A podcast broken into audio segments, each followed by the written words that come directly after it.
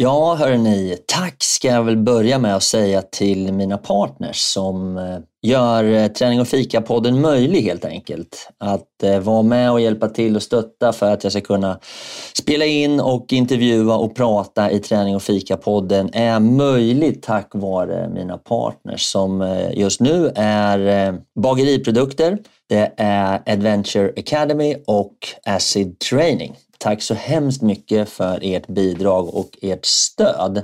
Sen kan man ju då som privatperson också gå in och stötta produktionen genom att eh, ge ett litet bidrag på till exempel Patreon. Det uppskattas väldigt mycket.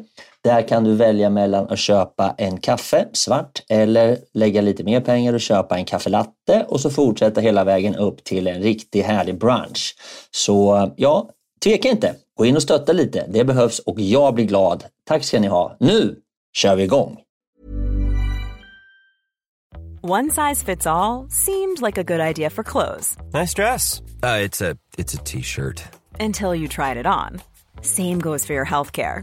That's why United Healthcare offers a variety of flexible, budget friendly coverage for medical, vision, dental, and more. So, whether you're between jobs, coming off a parent's plan, or even missed open enrollment, you can find the plan that fits you best. Find out more about United Healthcare coverage at uh1.com. That's uh1.com. Ever catch yourself eating the same flavorless dinner three days in a row? Dreaming of something better? Well, HelloFresh is your guilt free dream come true, baby. It's me, Gigi Palmer. Let's wake up those taste buds with hot, juicy pecan crusted chicken or garlic butter shrimp scampi. Mm. Hello Fresh. Stop dreaming of all the delicious possibilities and dig in at HelloFresh.com. Let's get this dinner party started. A lot can happen in three years, like a chatbot may be your new best friend. But what won't change? Needing health insurance. United Healthcare Tri Term Medical Plans, underwritten by Golden Rule Insurance Company, offer flexible, budget friendly coverage that lasts nearly three years in some states. Learn more at uh1.com. jag verkligen känner en verkligen förbättring i hållning och kåren, magen, ryggen. Det gör ju att man liksom verkligen märker hur effektivt det här träningsprogrammet är. Jag är ganska svag över axelpartiet och alltid varit det. Jag bär på gamla så här, volleybollskador, jag har skadat armen i paddel och jag märker att jag är mycket starkare och jag har inte lika mycket smärtor. Så det är fantastiskt. Avsnitt 14. Otroligt kul och varmt välkomna till Träning och fika. Det är jag och Linda och Susanna som ska prata med er idag och vi kör igång nu. Varmt välkomna! Träning och fika, vi kör hårt. Träning och fika, blåsa på. Träning och fika går ihop som kaffe och popcorn. Träning och fika, vi kör på. Träning och fika, blåsa på. Träning och fika, nu kör vi! Nu kör vi! Yeah! Jaha du Linda, hur är läget? Varmt välkommen till podden som vanligt. Du, eh, är du hemma ja. i Stockholm eller? Ja, jag är hemma i Stockholm. Det är, nej, det är inte kallt, men eh, jag tycker just nu att det är jättekallt och det är lite, lite, lite, lite snö på vägen. Men det är bra. Men du är inte i Stockholm va? Nej, vet du vad? Jag är faktiskt i eh, Italien och åker mm. längdskidor. Så jag har lite, lite flax faktiskt måste jag säga. Så här skiner solen och jag är i Marcialonga som det heter. Jag har åkt den här tävlingen många gånger och det är i en liten by som heter Cavallese. Där går den här tävlingen som ingår i Ski Classics och livet leker och jag dricker en Kimbo Espresso och eh, solen har skinit och eh, ah, livet är toppen. Så jag ska verkligen inte klaga, eh, Linda. Nej, eh, ja det är ju härligt. Det syns, jag ser ju dig och det, du har den där klassiska eh, randen på näsan efter glasögonen. Så du har ju blivit brun också. Det är ju jävligt orättvist ja, tycker jag. Jag vet, jag vet, jag vet. Jag kämpar hårt. Det är tufft här nere i Alperna nu för tiden. Så eh, nej men skål på det. Vad dricker du för kaffe idag månntro? Ah, jag är hemma så det är ju, det är ju Mollbergs blandning. Jag måste bli bättre. Jag ska prova något annat till nästa vecka, jag lovar. Ja, det, det känns som du är fast i dina gamla ljudspår där hemma i Sverige. Själv så hittar man nya kaffesorter och eh, vidgar sina vyer eh, och jag tycker ju att eh, den här Eh, Kimbo Espresson smakar jätte, jättegott och den är lite fruktig och ganska en dubbio espresso. Och den är, tyvärr är det oftast, eh, de är väldigt små när man tar en dubbio espresso, eh, men väldigt, väldigt goda. Jag tror också det beror lite grann på att man är just här och dricker kaffe, för det gör ju saken ännu bättre. Så, eh, men du, nu ska vi eh, se till att få med oss Susanna idag också va? Ja, precis. Det blir spännande att höra hur det har gått för henne. Ja, hon ska ju köras, hon är inne på sin fjärde vecka, tredje vecka. Tredje vecka, ja. Ja, det ska bli jättekul. Så nu hoppas vi att eh, hon mår bra och jag ska fortsätta också att prata lite grann om längdskidåkning. Det blir eh, mycket fokus på eh, material, detaljer, vallning, skidor, stavar och såna saker och även då lite härligt när man börjar komma på snö vad man ska tänka på och eh, sen så blir det lite mattips, styrketräningstips och en storytime med Fredrik. Så det är fullspäckat schema idag. Då kör vi igång!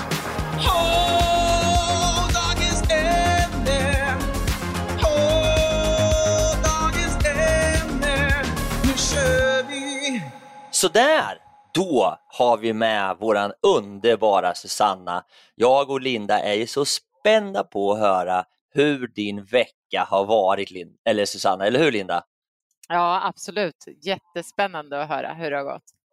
Ja, ja men jag tycker att det har gått eh, superbra verkligen. Eh, jag känner mig pigg och stark och ja, jag äter den maten som vi ska äta som jag också tycker att det är ganska lätt att äta maten för den är väldigt god.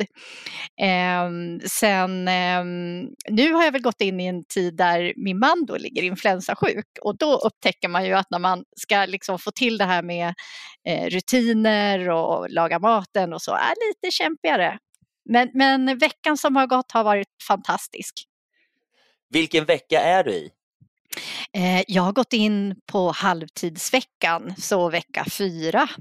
Härligt. Ja, det, och vecka fyra är man ju väldigt pigg, eh, upplever ju jag i alla fall. Och du ser ju väldigt pigg ut, så jättekul. Eh, men jag tänkte, idag tänkte jag att vi skulle prata lite om eh, träningen. Hur det går med eh, träningen. Och, ja. Tänkte, ja, jag har lite frågor så jag tänkte att jag, jag börjar så får vi se vart vi hamnar någonstans. Så jag tänker så här, hur, hur upplever du, eh, hur ser en typisk 8V träningsvecka ut för dig? Mm. Ja, precis. Nej, men vi kan ju börja liksom starten på veckan, säga att vi börjar på, på dag ett då. Eh, och då börjar jag ju ett styrketräningsprogram som pågår i fyra dagar och så vilar jag en dag för att påbörja samma träningsprogram ytterligare fyra dagar och så löper det ju på. Ehm, och ehm, det är en utmanande träning skulle jag vilja säga. Eh, jag älskar att styrketräna så jag tycker att det är jättekul och det är väldigt utmanande och det som eh, framförallt förvånade mig lite grann eh, som har styrketränat en del det var hur jäkla dåligt tränad jag är i kåren shit alltså. Vi har ju dag två som vi gör våran eh, magdag så att säga. Eh, och första passet, det var ju Alltså det var shit så jobbigt det var. Eh, men nu har man ju gjort några magdagar och eh, jag börjar faktiskt känna att det, jag börjar bli lite starkare i kåren. Det känns bra. Inte lika mycket känningar i rygg och sådär det är ju många som upplever, många som just eh, den här magdagen tycker att den är otroligt tuff och man har träningsverk en del. Men sen brukar det bli favoritpasset, eh, min upplevelse. Eh, att många tycker att det är eh, kul och det är väl antagligen för att man blir otroligt stark. Ja, Linda, det är inte riktigt min favoritövning eller favoritdag än, ska jag säga. Ehm, but we're getting there. uh, nej, men framförallt att jag verkligen känner en ehm, ja, men, verkligen förbättring i hållning och kåren, magen, ryggen. Alltså, det, det gör ju att man liksom verkligen märker hur effektivt det här träningsprogrammet är. Även de andra delarna ska jag säga. Jag är ganska svag över axelpartiet och alltid varit det. Jag bär på gamla så här, volleybollskador, jag har skadat armen i paddel och jag märker att jag är mycket starkare och jag har inte lika mycket smärtor. Ehm, så det är fantastiskt. Ja. ja, det är jättehärligt att höra. Vad säger du Fredrik? Har du någon fråga till Susanna? Nej, jag tänkte väl egentligen bara be Susanna lite grann och beskriva vad är det för typ av övningar man gör egentligen? Alltså hur ser de här, det är fyra dagar med fyra olika eh, delar, eller hur? Det är axlar, mage och så vidare. Men berätta lite grann om, är det, är det svårt eller är det lätt? Är det komplicerat eller hur ser det ut? Liksom? Så vi förstår lite mer. Det här är ju rätt spännande för det är inte alla eh, som tycker att det är så kul att gå på gymmet som kanske eh, är lite, blir lite förskräckta av att det är så mycket gymmande. Ja, nej men jag kan absolut förstå om det är första gången man, man liksom ger sig in i ett program där man ska gå till gymmet, att det känns lite läskigt. Det kanske känns som att alla tittar på en. Eh, men alla har ju varit nya första gången på gymmet någon gång och det är ju ingen som tittar. Det tror jag man absolut ska känna sig väldigt trygg med. Eh, min upplevelse är också att jag tycker att folk är väldigt eh, liksom, hjälpsamma när man behöver hjälp med hur en maskin fungerar eller så. Men alltså de övningar som vi kör, alltså det är mycket skivstång, det är hantlar, eh, det är vissa sådana fasta maskiner som, liksom, eh, som, som man också kör på. Eh, och Tänker vi till exempel på magövningarna så är det ju ganska mycket så statiska övningar, du jobbar mycket med din kropp. Um, så att det är väldigt varierande och blandad träning och du kan anpassa väldigt, väldigt bra utefter liksom din egen styrka. Vill man gå på en skivstång som väger 20 kilo och lägga på vikter, ja gör det. Uh, men du kanske väljer en, en skivstång som väger 10 kilo för att man inte riktigt har styrka så eh, finns de möjligheterna också. Nu har jag kanske turen också att träna på ett otroligt, otroligt eh, bra gym som är väldigt liksom ja, men det är bestyckat med mycket bra maskiner och stänger och så att eh, det är väldigt enkelt att träna på det gymmet. Sen, sen är det ju så, det är ju inte, det är ju inga svåra övningar. Nej, det är verkligen inte svåra och, och sen är det ju så bra för vi har ju även till vårt träningsprogram så har vi ju fått eh, väldigt utförliga filmer så man kan titta på de här filmerna innan man åker till gymmet och se okej, okay, hur gör jag den här övningen? Okej, okay, så ska tekniken vara. Sen är det ju så att ju starkare du blir desto bättre blir du på att jobba på din teknik. Eh, så jag, jag tycker inte att det är svårt. Nej. Härligt. Du eh, Susanna, om man skulle eh, ställa två frågor till dig som du får tänka på några sekunder, då är det om du skulle vara tvungen att välja en favoritövning och så skulle du vara tvungen att välja en övning som du inte gillade. Och medan du tänker på det så skulle jag vilja fråga Linda om, jag kommer ihåg hur det var med dig Linda när du började. Då hade väl du enorma problem med att göra armhävningar och hur gick det egentligen? Ja, jag eh, har ju länge kämpat med mina armhävningar och det gick ju, jag har ju inte klarat av, jag har gått på crossfit flera år och sådär. Men eh, jag kunde göra armhävningar på knä, jag kunde inte göra någon på tå. Efter åtta veckor så gjorde jag 36 armhävningar eh, direkt på tå. Eh, faktiskt. Så att jag, under åtta veckor lärde jag mig göra armhävningar, så är det. Det är helt fantastiskt. Det är fasiken galet. Och vad beror det på? Att man eh, övar. Och att man Hur blir då? starkare. Ja, man gör dem. Man gör dem, man provar och man, det som är viktigt är ju att man, eh, att man gör en armhävning på tå och sen gör resten på knä, att man själv försöker ta ansvar över att utvecklas också. Sen så tror ju jag att den fantastiskt andra styrkan som axlar och, och, och att kunna ställa sig alltså i plankposition och starkare kår och sånt gör ju också att man får lättare att hålla tekniken. Hur bra känns det? Skitbra. ja, det är underbart. Härligt. Härligt. Susanna, då vill vi höra favoritövning och hatövning. Oj, oj, oj. Det är inte lätt att välja favoritövning, men ska jag välja en övning som jag må, liksom, absolut måste göra hela mitt liv så är det marklyft. Helt klart. Eh, både med raka ben och, och böjda eh, som då angriper lite olika muskler. Men marklyft alla dagar i veckan, älskar den övningen. Eh, hatövning, hmm, svårt. Det kanske ligger inom kategori mage, just för att jag är lite svag där. Um, ja, men jag har tagit upp det här med Linda och jag säger nog kanske mm, eh, plankan. Eh, och egentligen kanske inte för att jag känner att kroppen inte klarar av det, men jag är så förbaskat svag i axlarna. Så, så jag blir ju trött i axlarna, så jag orkar inte. Eh, men hoppet lever. Jag hoppas att jag ska kunna utöka min minut allt eftersom. Eh, men jag måste nog säga plankan. Det är du inte själv om att säga och jag kan säga så här att det är väldigt många som känner av axlarna mer än eh, svanken och magen, vilket är helt naturligt för det är inte alltid man är så stark som man orkar hålla emot. Så, eh, men eh, grymt kul att höra att du väljer marklyft tycker jag. Det är ju en av de klassiska övningarna som egentligen stärker upp hela kroppen och är en skitbra övning. Snyggt!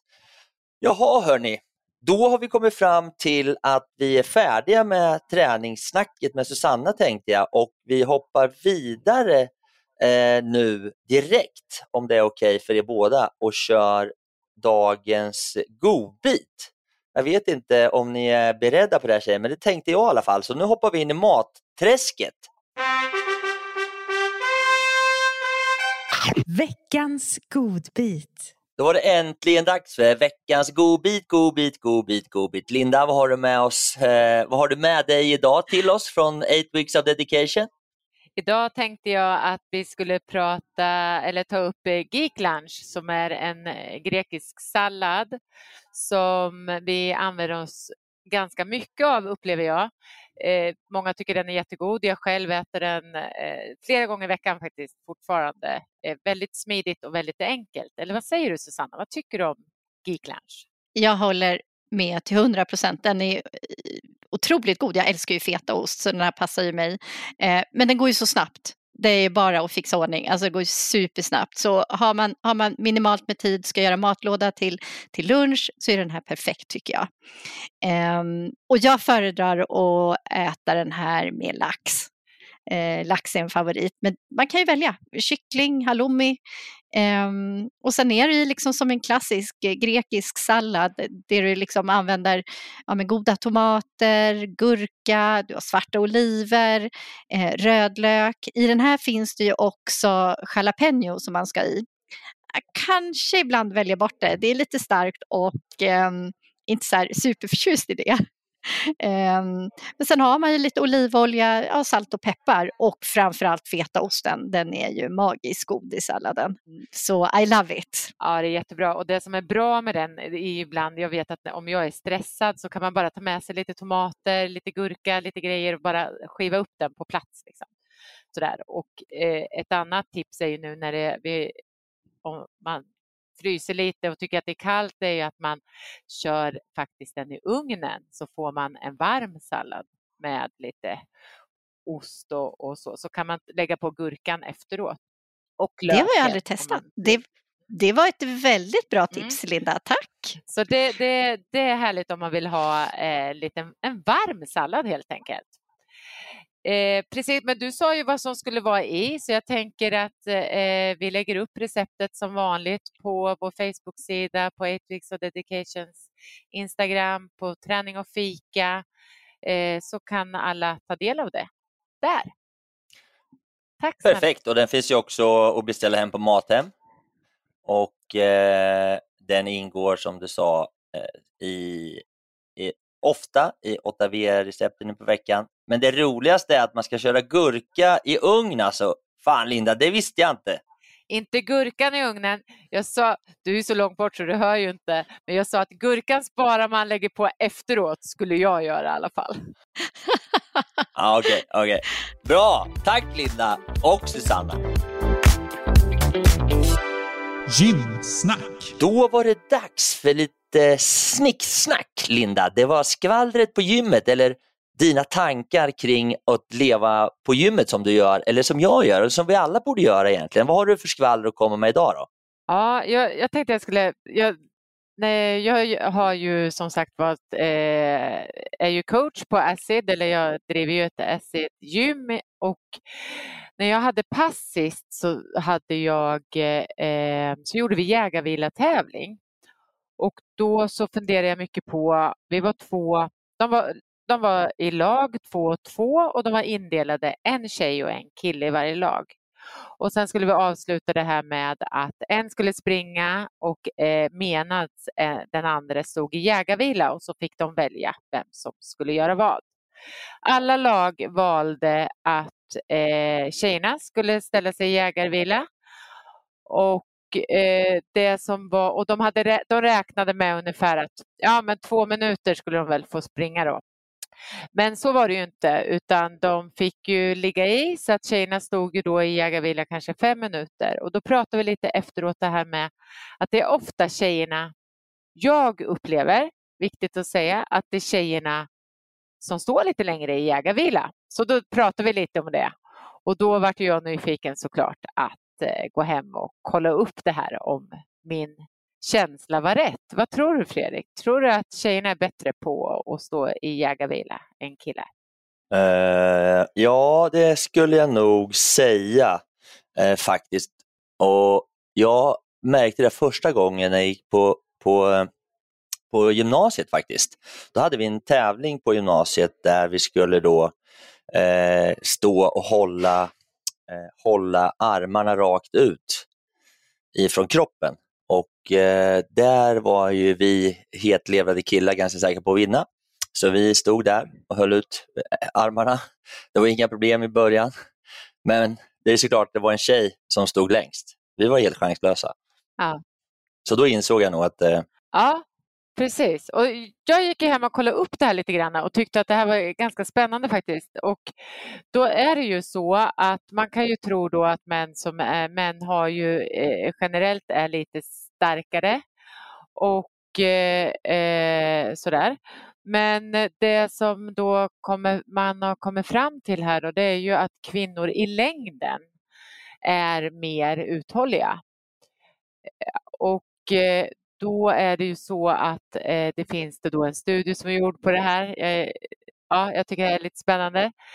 Eh, då är det en Sandra Hunter, från eh, professor i idrottsvetenskap, som gjorde en studie på och då pratar vi om då eh, statisk styrka där hon då tog en eh, grupp med män och eh, kvinnor och så skulle de hålla spänning i, i armmusklerna 20 procent av sin förmåga så länge som möjligt.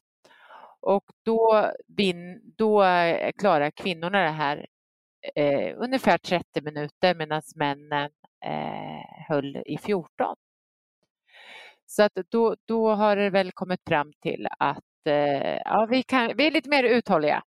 Eh, det är lite knäckande men jag, jag är inte förvånad Linda och jag kommer ihåg eh, Frida Karlsson som åker längdskidor. Hon, eh, hon stod ju där i det här, vad heter det, landskampen eller vad heter det, när hon stod mot, mot Norge.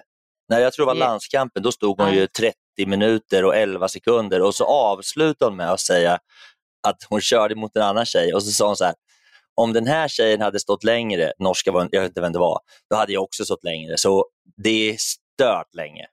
Det är stört länge. Och eh, eh, det man också kommer fram till här att, vi, att, att kvinnorna återhämtar sig fortare också. Det, jag måste bara lägga till det också. Men vet du, eh, precis, jag hade ju med henne här, så att, eh, men vet du vad rekordet är? I jägarvila?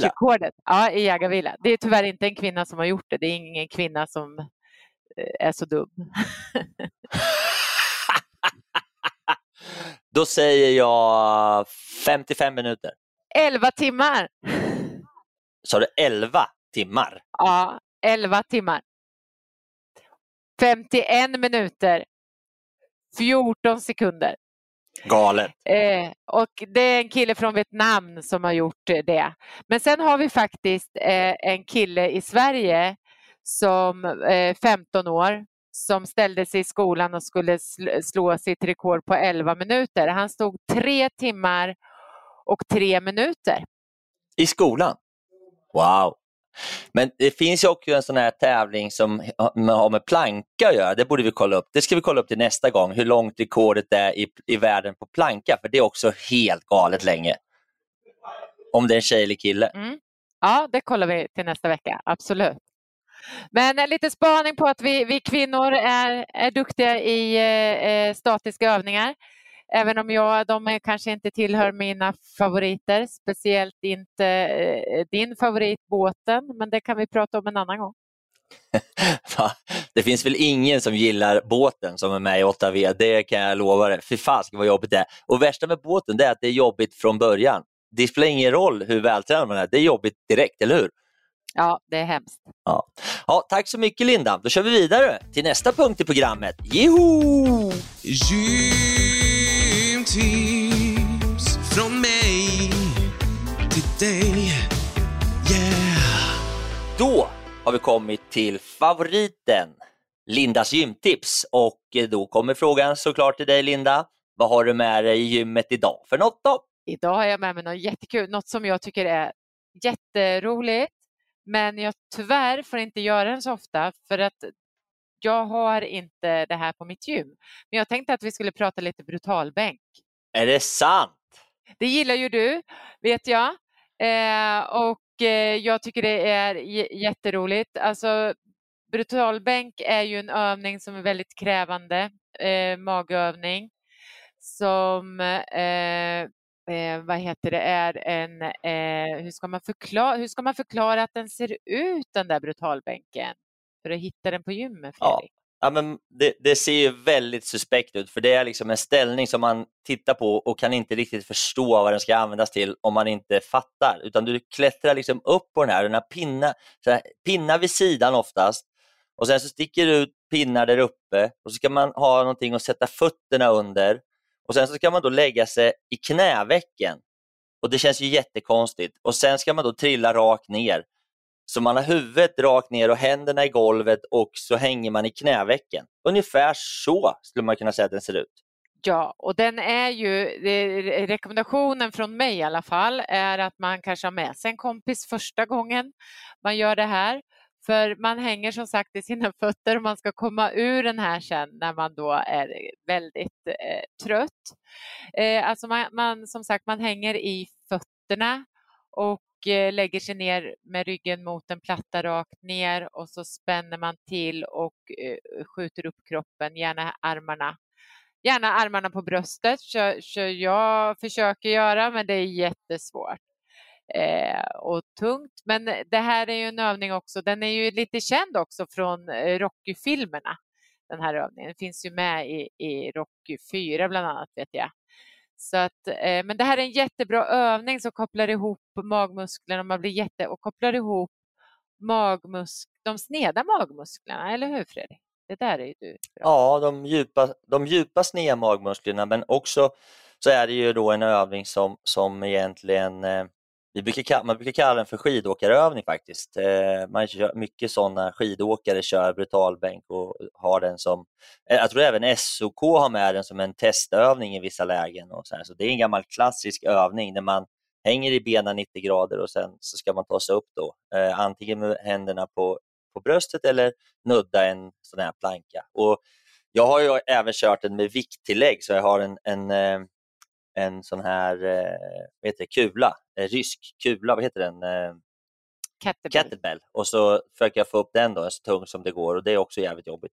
Men jag tror nog att tipset som du sa där för att börja med brutalbänk och ha med sig en kompis, det är bra. Eh, den är lite svår och lite utmanande och lite annorlunda om man hänger upp och ner och ibland känner man att man sitter fast och kommer lite ner. Och så, här, så Det är lite så här lättligt och tröjan trillar över huvudet och det är så här, ja, man får ta lite piano. Sen är det ju så att eh, när man är slut så är man slut och det är då man ska försöka komma ur den där eh, brutalbänken. Så att därför kan det ju vara bra att ha en kompis med sig. Mm. Men det var att, mitt tips. Ja, det är ett jävla bra tips hörru du. Jag tycker det är toppen. Mer brutalbänk till världen och Sverige framför allt. Och jag tycker SOK har fått lite skit för sina olika testövningar, men det är en bra övning den här. Brutalbänk. That's the, det är både historia och framtid tycker jag. Veckans fråga! Våga ställa veckans fråga. Veckans fråga! Ah, baby. Då var det dags för veckans fråga och den brukar du ha koll på Linda, för du har koll på våra sociala medier och då undrar jag ju såklart, har det kommit in någonting i fiskenätet idag?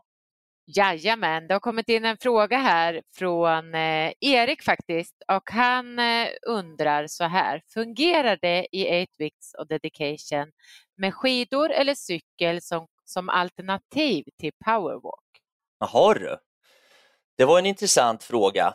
Eh, ja, jag skulle, om jag ska svara på den här frågan så skulle jag nog säga nej eh, faktiskt. Eh, men, men först och främst så ska man väl konstatera att i 8 Weeks of Dedication så finns det ingen powerwalk utan det finns en vanlig promenad och den promenaden ska vara en timme och man kan dela upp den i en eller två delar om man skulle behöva det. Eh, och, eh, men framförallt så är det inte någon powerwalk, man ska inte gå fort. Och det bygger egentligen på hela den här teorin om att den här promenaden inte ska slita för mycket på energi. Och eh, det är ju en viktig del i hela 8 Weeks of Dedication, att man inte ska göra så mycket andra saker i och med att man tränar ganska mycket styrketräning och att man har ett begränsat eh, energiintag.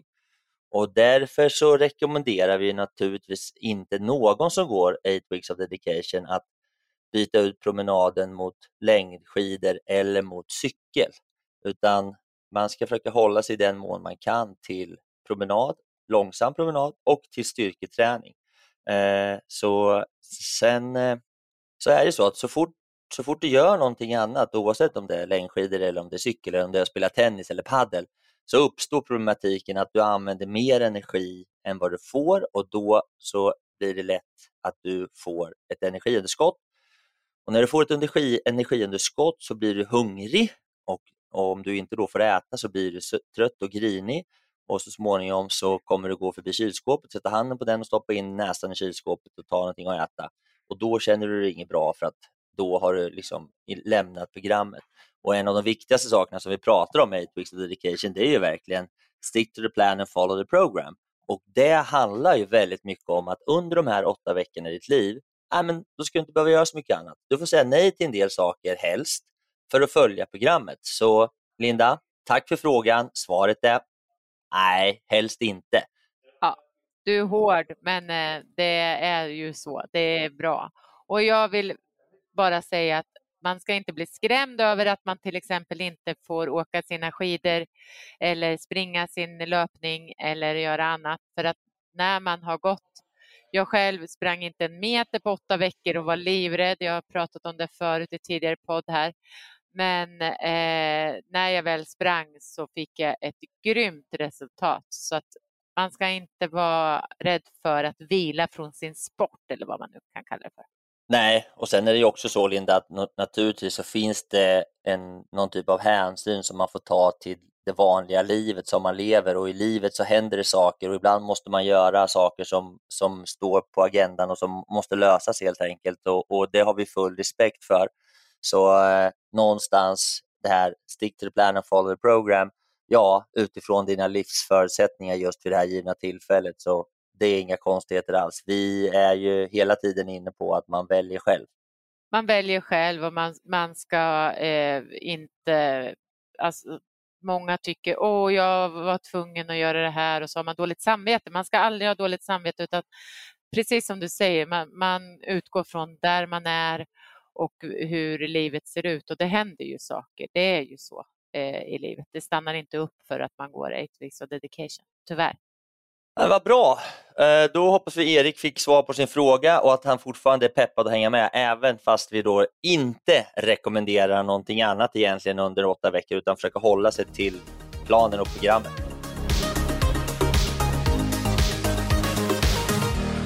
Då var det dags för lite längdskidåkning.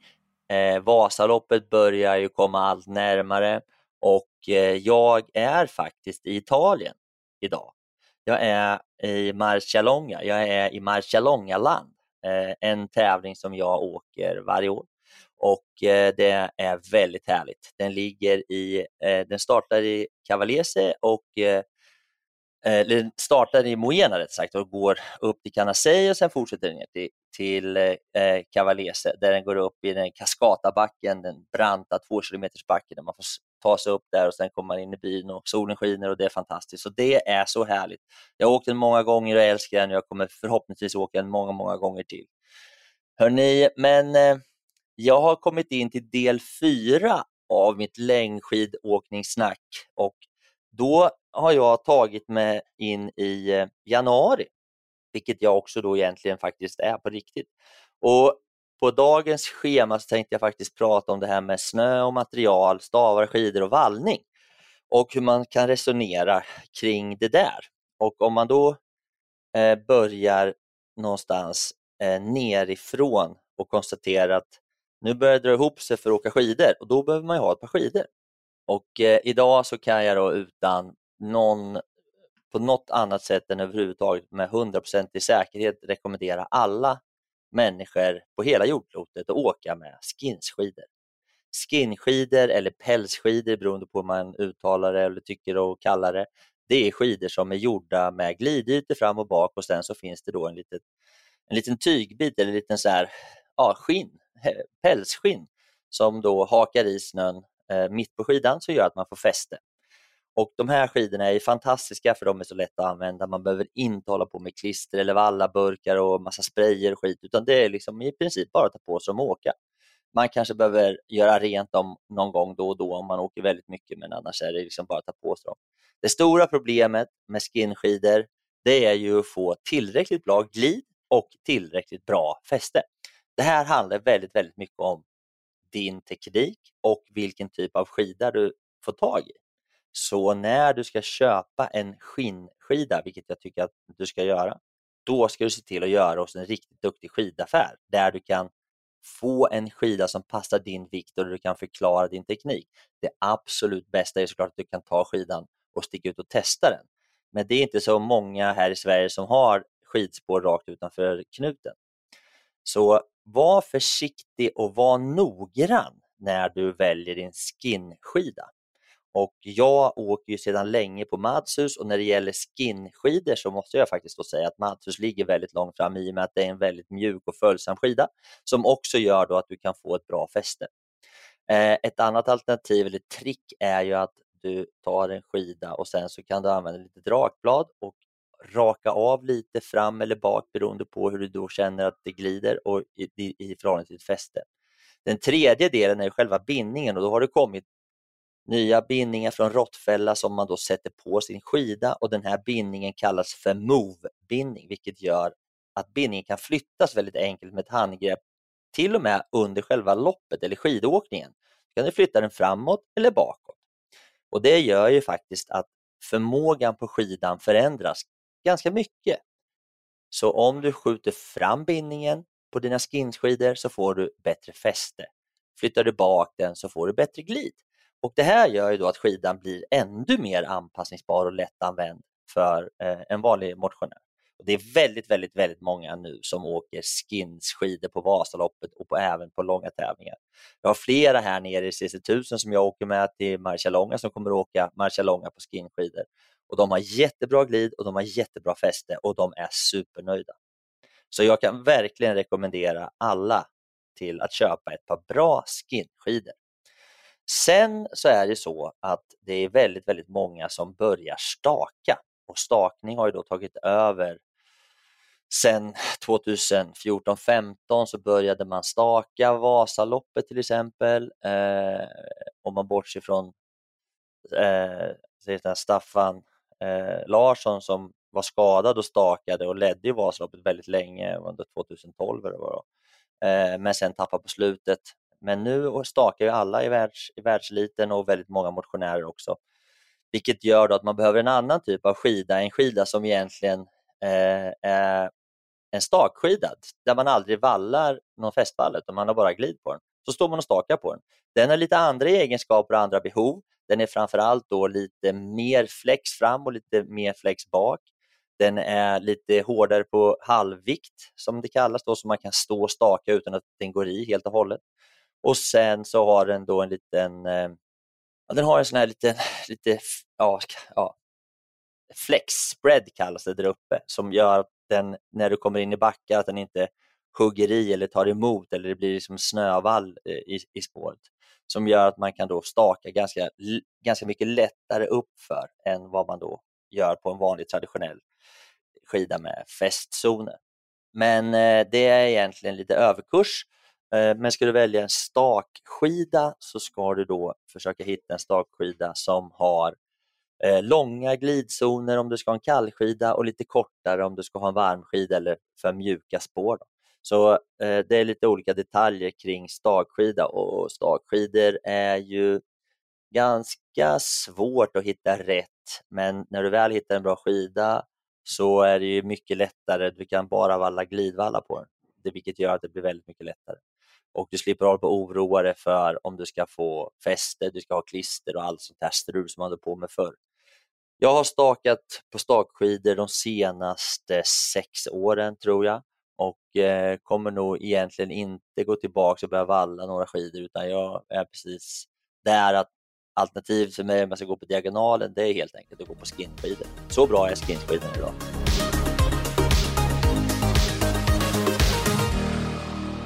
Så, det var lite grann om skidor eh, och efter skidor så kommer ju pjäxor. Och ska man då välja pjäxor så har ju väldigt många problem med att man blir kall om fötterna och så väljer man kanske ett par racingskidor för man tycker man vill tävla och då blir det ännu kallare. Så det kan jag inte rekommendera egentligen. Jag tycker att när man står och stakar så är det så att det är skönt att vara varm om fötterna. Och varm om fötterna, det blir man inte av att staka i och med att du i princip inte rör fötterna överhuvudtaget. Du rör egentligen bara överkroppen och det gör att man blir ännu kallare. Så ett par varma pjäxor som kanske inte är så rejsiga. Alternativet är att ha ett par sådana här värmestrumpor som kommer nu. Problemet med värmestrumporna är att de är ganska dyra, de kostar typ så 1500 spänn. Men det gör ju väldigt stor skillnad för din fotbekvämlighet. Det finns ju inget värre än att frysa om fötterna när man står och stakar. Speciellt när man vet att man ska staka 4, 5, 6 mil. Då är det ju ganska jobbigt och tråkigt. Så ett par sköna pjäxor. Det finns också sådana här skate eller kombipjäxor som har en uppbyggnad, en stabilisering på, upp på skon som en skatepjäxa och de kan jag också rekommendera om man känner sig otrygg i utförsåkningar och eh, kanske balansmässigt. Så där har man då en möjlighet att välja den typen av pjäxa som är lite mer stabil. Men eh, ja, sen så kommer det upp då till nästa del i det här som blir då kläder och sådana här saker och då är ju skidåkare såklart, tycker ju, riktiga skidåkare vill ju åka i så lite kläder som möjligt.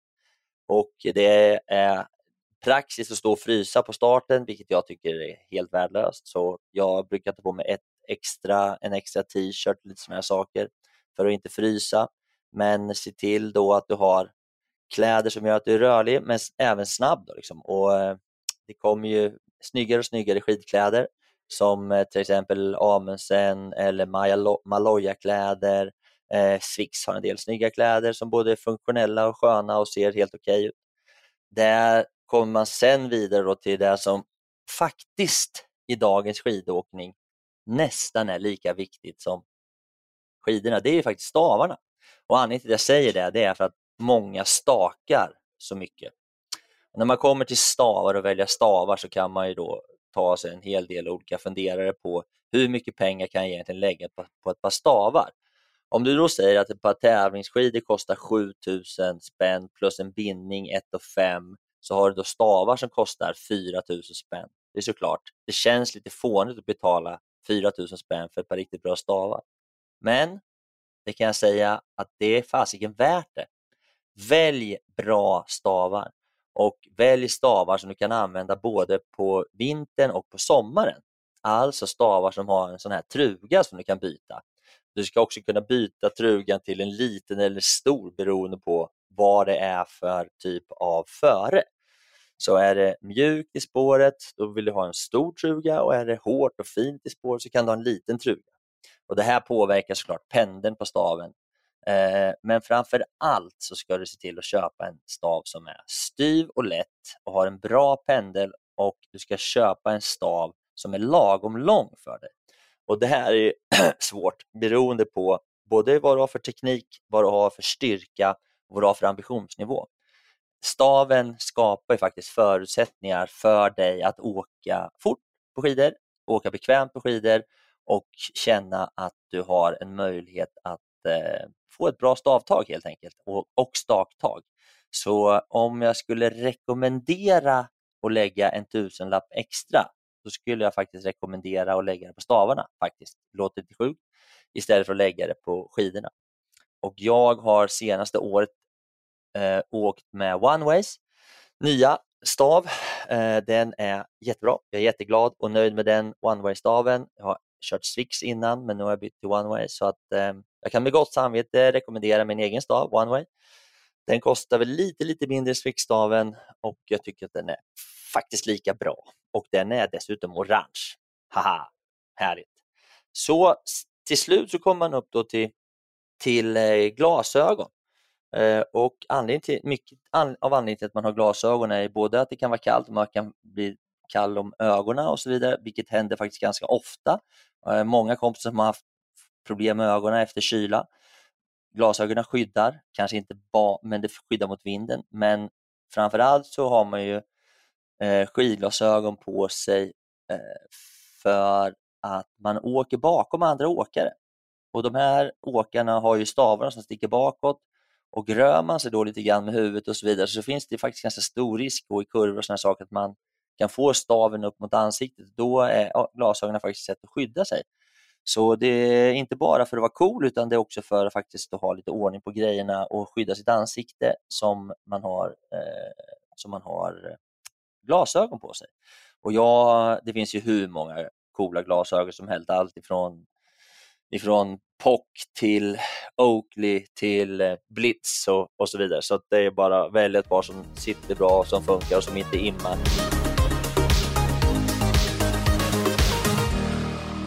Ja, där har ni lite funderingar då på själva utrustningen och sen avslutningsvis så ska man kanske komma till vallningen då och hur man ska tänka kring vallning. Och Det här med vallning det är ju en hel vetenskap. Jag tror svenska landslaget hade 14 vallare nu som körde, var med och testade valler och de har ju ett upplägg som är helt galet. Eh, jag känner ju Urban Nilsson som är för detta vallachef och han berättar ju sådana stories som att trillar baklänges hur mycket resurser och tid och eh, erfarenhet och sånt där som läggs på, på att få bra skidor.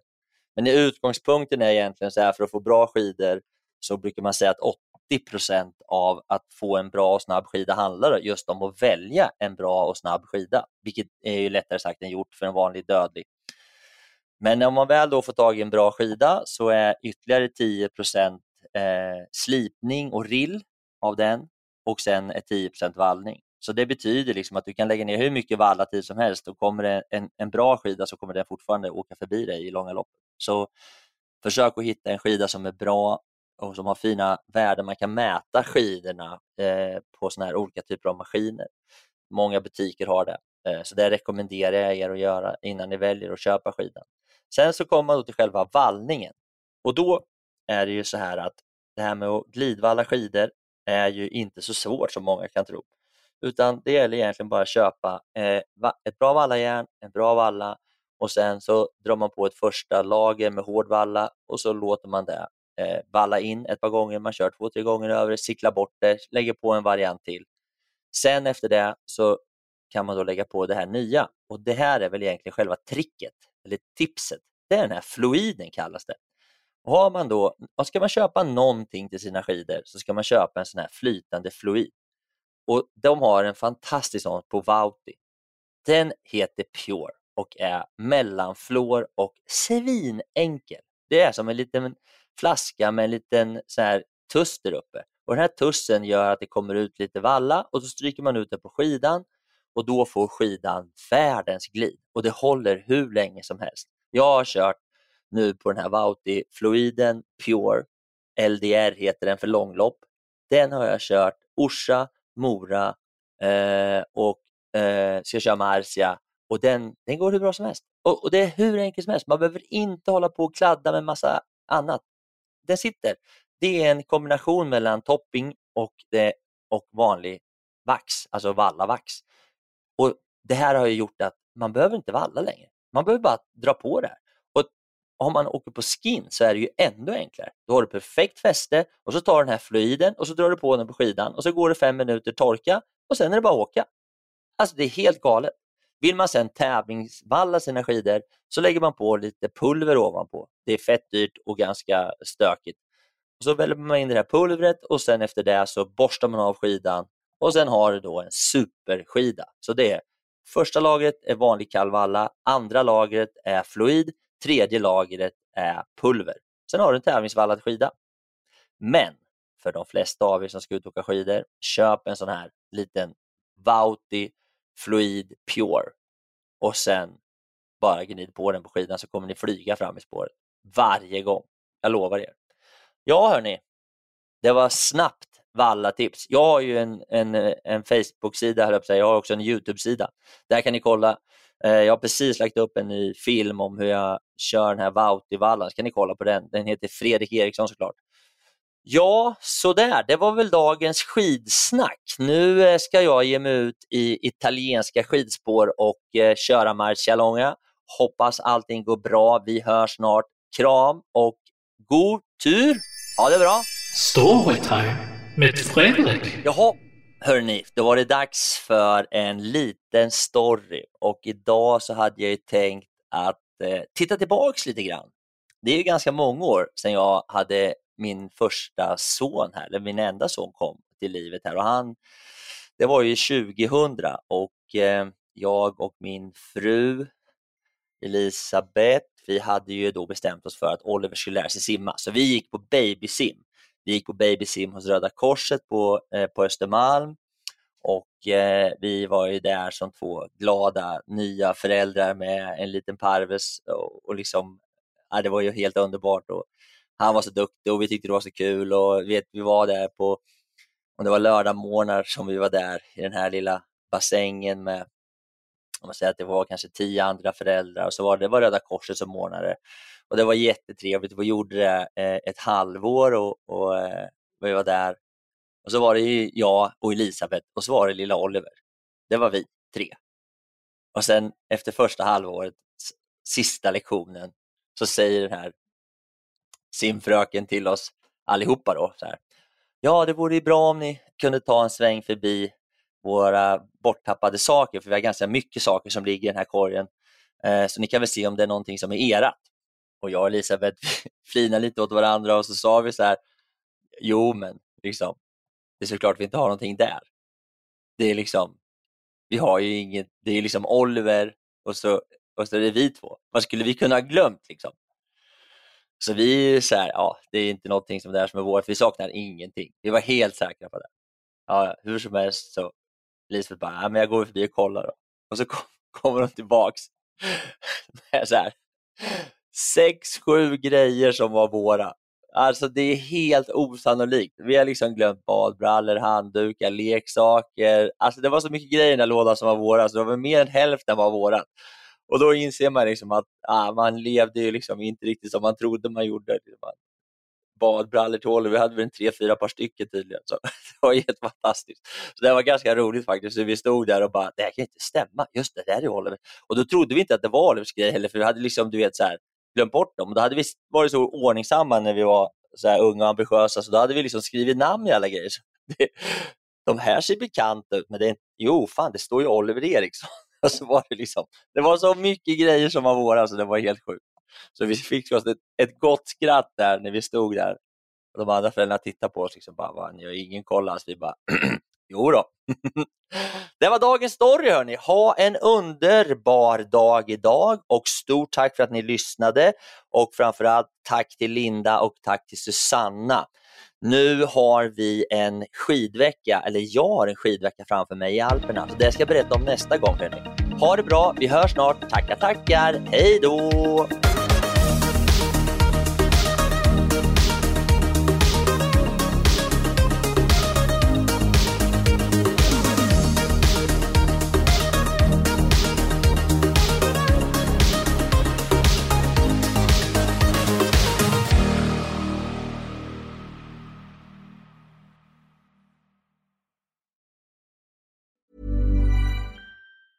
Hey, it's Danny Pellegrino from Everything Iconic. Ready to upgrade your style game without blowing your budget? Check out Quince. They've got all the good stuff shirts and polos, activewear, and fine leather goods, all at 50 to 80% less than other high end brands. And the best part? They're all about safe, ethical, and responsible manufacturing. Get that luxury vibe without the luxury price tag. Hit up quince.com slash upgrade for free shipping and 365 day returns on your next order. That's quince.com slash upgrade. Planning for your next trip? Elevate your travel style with Quince. Quince has all the jet setting essentials you'll want for your next getaway, like European linen, premium luggage options, buttery soft Italian leather bags, and so much more. And is all priced at 50 to 80% less than similar brands. Plus, Quince only works with factories that use safe and ethical manufacturing practices. Pack your bags with high-quality essentials you'll be wearing for vacations to come with Quince. Go to quince.com/pack for free shipping and 365-day returns. Mom deserves the best, and there's no better place to shop for Mother's Day than Whole Foods Market. They're your destination for unbeatable savings, from premium gifts to show-stopping flowers and irresistible desserts. Start by saving 33% with Prime on all body care and candles. Then get a 15-stem bunch of tulips for just $9.99 each with Prime. Round out Mom's menu with festive rosé, irresistible berry chantilly cake, and more special treats. Come celebrate Mother's Day at Whole Foods Market. Det var allt för den här gången hörrni. Och jag tänkte avsluta lite kort med att återigen tacka mina fantastiska partners och sponsorer som är Bageriprodukter, Acid Training och Adventure Academy. Och eh, återigen, har du en krona över eller är helt enkelt sugen på att bjuda på en kaffekopp så gå in på min Patreon och eh, köp en kaffe, en kaffelatte eller en hel brunch så kan jag fortsätta spela in podden, producera nya härliga avsnitt och eh, fortsätta att underhålla dig. Hoppas du har haft en fin lyssning och att vi snart hörs igen. Tack så mycket. Hej då!